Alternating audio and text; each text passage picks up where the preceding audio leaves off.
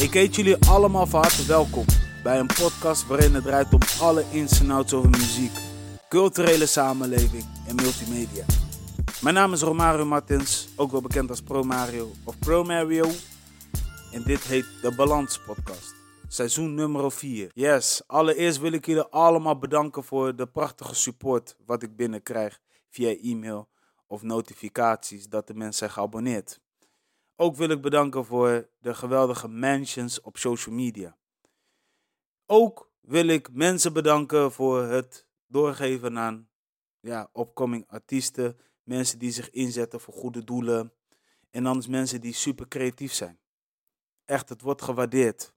Ja, toch? Dus als jij zoiets hebt van, hé, hey, ik vind het een toffe show en ik ken iemand die één van deze drie dingen doet, laat het me weten. Alle links staan in de beschrijving. Vanuit daar kunnen we contact houden. Sowieso. En dan ga ik nu even over naar een recap van aflevering nummer 8. In aflevering nummer 8 heb ik een gesprek gehad met Mirko. Hij is een ondernemer. Hij is een persoon die zich inzet voor goede doelen. En he got a dope story to tell. Niet alleen dat het een tof story is, maar ook een story dat tegelijkertijd je meeneemt in de struggles die hij heeft uh, ja, moeten ervaren. Hij komt uit het voormalig Joegoslavië, Servië. En uh, ja, hij heeft, hij, heeft, heeft een bedrijf wat gelijk stichting is. Het heet Bradas. En uh, mooier is, Bradas staat voor broederschap, verbintenis. En Bradas is een kledingmerk. Dus stel dat jij dus nu een trui of een shirt of een accessoires bij hun website had, dan is die kleding sowieso 100% vegan. En hij doet aan duurzaamheid. En een groot deel van de opbrengsten gaat naar een goede doel. Ja? Vooral goede doelen die zich uh, inzetten voor kinderarbeid. Dus je doet er sowieso iets goeds aan. Ken jij een dame of een heer waarvan je denkt van, oh, daar heb ik een goede band mee? Het kan je beste sportmaat zijn. Het kan je collega zijn. Het kan iemand zijn die je wekelijks of dagelijks tegenkomt in de trein, of misschien wel één keer in de maand. Maar je kan gewoon levelen met diegene. Gun diegene een brother shirt. Ja, toch? Voor deze love up. En ik wil hem ook bedanken voor het feit dat hij mij heeft gevraagd als ambassadeur. Appreciate it. Much love. En dan gaan we nu over naar aflevering nummer 9. Tenminste, waar de show dit keer om draait. Let's go. Onderwerp waar ik het over ga hebben, is iets wat wij allemaal hebben gezien, slash meegemaakt, of hebben ervaren. Maar ik wil wel erbij zeggen, I'm not a doctor. Ik probeer meer vanuit mijn gevoel uh, te spreken, mijn ervaring. Waar hebben we het over? We hebben het over ruzies. Ruzie heeft zijn plus en zijn minpunten. Pluspunt van ruzie is, als je ruzie hebt met bijvoorbeeld je buurman, of met je neef, of met je oom of met je tante, kan ook zijn met je ouders of collega.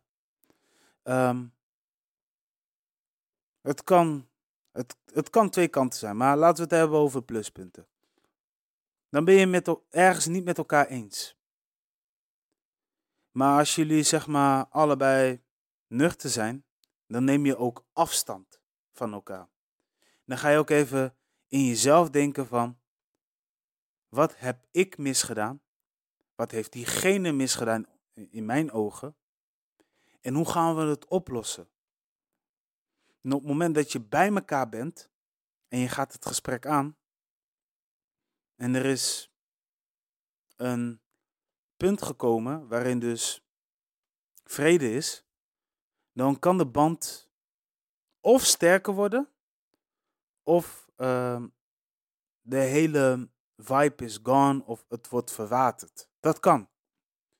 Maar vaak is het zo, als je denkt in pluspunten, en die, diegene ook, hè, qua ruzie, wordt het alleen maar sterker. En dan groei je. En dan weet je eigenlijk al waar je rekenschap moet houden. Dus dat is een pluspunt. Maar de minpunt is, als je ruzie hebt met een van je mensen en het gaat van kwaad naar erger, kan het aantal kanten opgaan. Je kan met elkaar op de vuist, uh, of je bent soort van uh, negatieve golf aan het verspreiden. Gewoon energie. En ik ben sowieso geen fan van het geweld, dus stop daar sowieso mee. Weet je, je komt er niet ver mee. Um, ik ben ook niet een persoon die graag uh, wil meemaken dat het negatieve golf of energie wordt verdeeld, zodat andere mensen weer vies naar je kijken. Nee.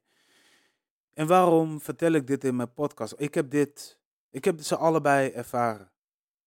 Weet je, dus dat, dat pluspunt, ja, ben ik alleen maar sterker op geworden. Weet je, ik heb alleen maar beter band gecreëerd met de mensen die om mij geven en andersom. En ik uh, heb ook wel um, veel van ze geleerd. En andersom ook, denk ik. Ga ik wel vanuit. Nou, ik kan er niet vanuit gaan, maar. Nou ja, het is me wel verteld. Laten we zo zeggen. Maar ik heb ook uh, dat lelijke kant. Weet je, dat iemand vanwege de aura, um, hoe die, de denkwijze, de grote mond. Ja, daar heb ik wel eens uh, heel vervelend op afgereageerd. Of dat diegene dacht van dat hij met mij kon horen. Je weet toch? Ben, uh, ben daar niet trots op. En ik zeg je eerlijk, op het moment dat een soort van geweld is, en dat is iets ook wat ik zeker ook niet meer doe, dan uh, ga ik uh, mezelf opvreten. Dan ga ik de hele tijd schuldig voelen. En op het moment dat ik me schuldig voel, dan begin ik wel met schrijven. Van oké, wat heb ik gedaan? Wat is het fout wat ik ben gaan begaan? Je weet toch? En hoe ga ik dit oplossen? Als ik vanuit mijn kant al heb laten zien en toegegeven, dan. Uh, en ik krijg het niet voor elkaar, dan moet ik nog harder werken. Heb ik nog harder voor gewerkt of voor gestreden? Niet werken, voor gestreden. Heb ik nog harder voor gestreden? Ja, dan moet ik het laten. Zolang diegene maar wel inziet of doorheeft dat ik wel met hem of haar bezig ben.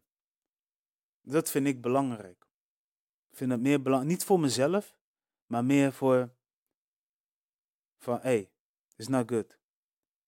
En wat, ik, ik had het net over het verspreiden van negatieve energie. Er zijn mensen inderdaad waarmee je ruzie hebt, die ervoor zorgen dat andere mensen jou ook niet mogen. Die dus vies praten. Maar eerlijk is eerlijk. Wat haal je hieruit? Je wordt er niet blij van. Je wordt alleen maar. Je gaat alleen maar in diegene geloven. Ik ben van mening op het moment dat mijn goede vriend ruzie heeft met een andere persoon, maar ik mag die persoon heel graag, dan moet ik op mijn standpunt blijven. Ligt eraan wat het is, want als hij met uh, racistische opmerking komt of met onvriendelijke beledigingen, dan ga ik diegene wel vragen van, hoe ben je op dit gekomen en waarom zeg je dit? Word je daar blij van? Weet je, en op het moment dat je merkt van dat diegene heel erg koud is en die geeft overal daar antwoord op, dan moet je conclusie voor jezelf trekken of je diegene wel mag of niet mag. Maar eerlijk is eerlijk, ja, weet je, je wordt er gewoon niet blij van, weet je, vijanden. Nee man. En daarom, ik, uh, ik, uh, ja, ik heb uh, een tijdje wel ruzie gehad met iemand. En, en, uh, wow, oké, ik kon mezelf een beetje verdubbel. Maar ik, ik was er niet super trots op. Ik had echt zoiets van, ik wou dat dit niet is, was gebeurd. Je toch, um, ja, weet je, je, beschadigt niet alleen jezelf, maar misschien ook de mensen om je heen. Weet je, en Is dat het waard? Nee, dat is niks waard, man. Dit is dus wat ik met jullie wilde delen.